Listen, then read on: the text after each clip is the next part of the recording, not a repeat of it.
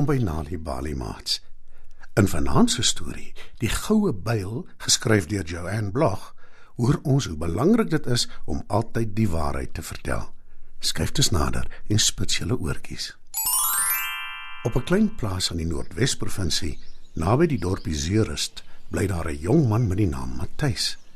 Hy bly alleen, maar word nooit regtig eensaam nie, omdat hy heeltemal te veel het om te doen. Matthys werk baie hard op sy plaas. Hy werk alleen want hy kan nie bekostig om iemand te huur om hom te help nie. Hy is 'n man van inbors en glo daarin om altyd die waarheid te praat al is hy in die moeilikheid en ten spyte van eie gewin. Op 'n dag staan Matthys in houtkap vir die koolstoof in sy kombuis. Dit is baie warm en Matthys is moeg en dors. Hy besluit om na 'n nabygeleë bos toe te stap waar daar 'n klein waterval is met 'n diep poel helder soet water. Matthys het al baie gerugte gehoor oor die einste poelwater. Van die mense in die omgewing vertel van 'n klein versteekte huisie naby die poel. Volgens hulle bly daar 'n beeldskone vrou. Sy bly op haar eie, nes Matthys, en sy swem elke dag in die poel. Maar Matthys het die vrou nog nooit gesien nie. Hy glimlag en dink dat vandag dalk die dag kan wees dat hy haar wel gewaar. Die jong man begin aanstap na die poel toe. Hy is in gedagte en dra sy byl saam met hom.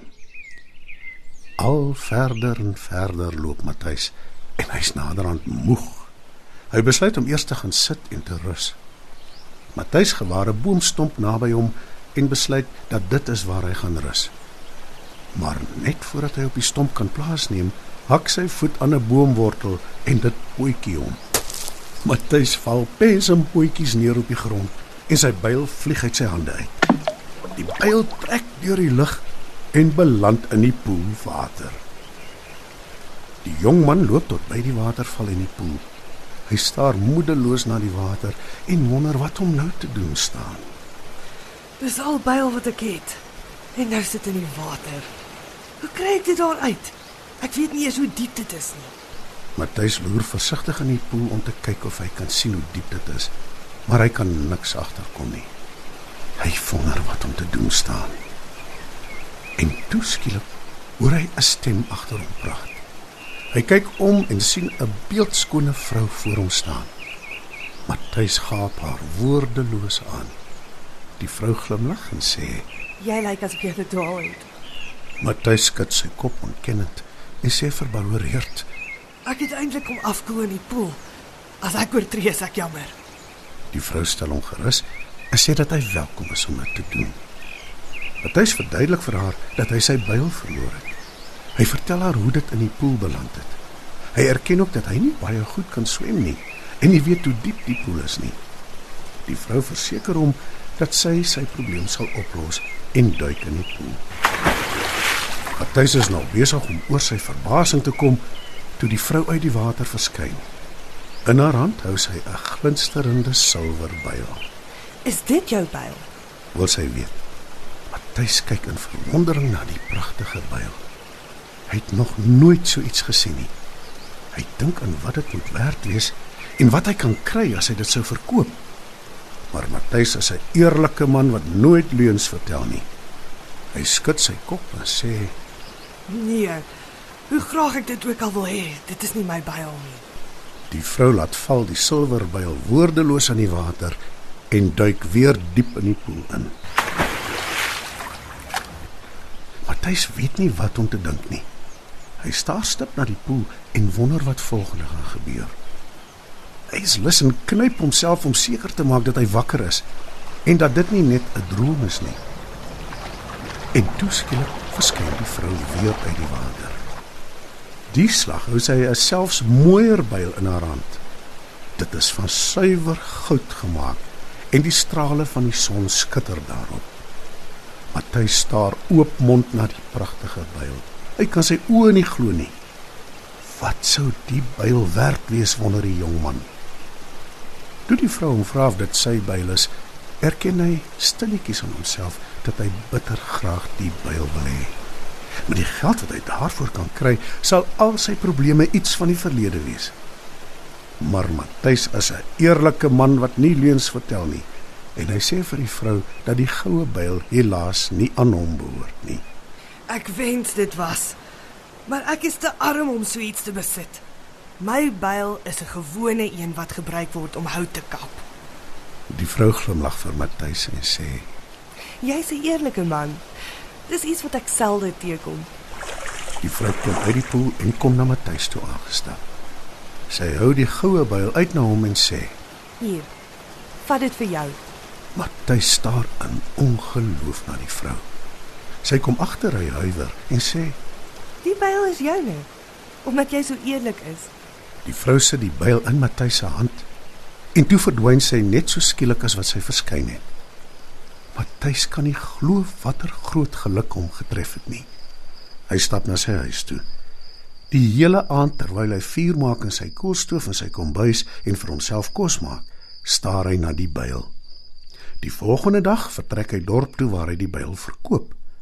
Met die geld wat hy daarvoor kry, kan Matthys baie dinge koop vir sy plaas wat hy benodig. Dit gaan nou heel wat beter met die jong man en hy is dankbaar daarvoor. Matthys dink baie aan die misterieuse vrou by die poel en dan wonder hy oor sy weldoener. Toe een aand lê 'n nuwe buurman van Matthys besoek af by hom. Die man se naam is Tertius. Hy is beïndruk deur Matthys se spik splinter nuwe trekker en hy wil weet hoe Matthys dit reg gekry het om so 'n trekker te kan koop. Dis toe dat Matthys Tertius vertel van hoe hy die vrou by die waterpoel ontmoet het en hoe sy vir hom 'n goue byl gegee het. Tertius het nie geldelike probleme nie. Inteendeel, hy het genoeg geld. Maar hy is gulsig en dink onmiddellik dat hy ook 'n goue byl wil hê. Hy gaan dus die volgende dag na die waterpoel toe met 'n gewone byl in sy hand. En daar aangekom, gooi hy dit in die water.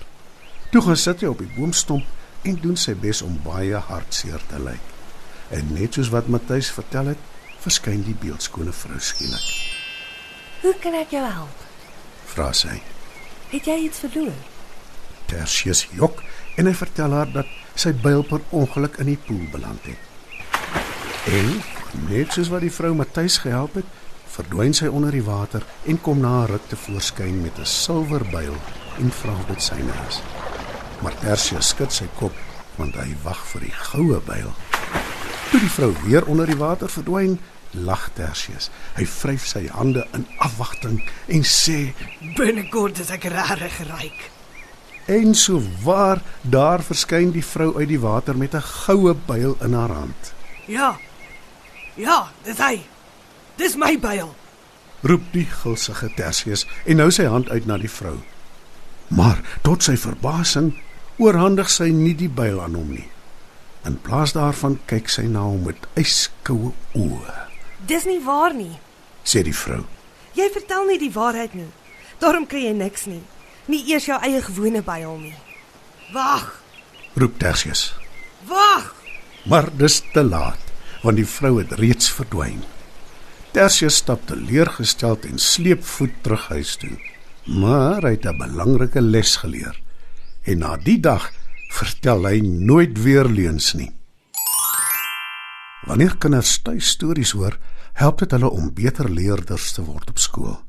Vir meer stories om vir kinders voor te lees of vir stories wat kinders self kan lees, besoek ons by www.nalibali.mobi. Daar is heelwat stories in verskeie tale absoluut gratis beskikbaar. Daar is ook wenke oor hoe om stories vir kinders te lees en met hulle te deel sodat hulle hulle volle potensiaal kan ontwikkel. Nalibali is ook op Facebook. Story Power. Bring dit huis toe.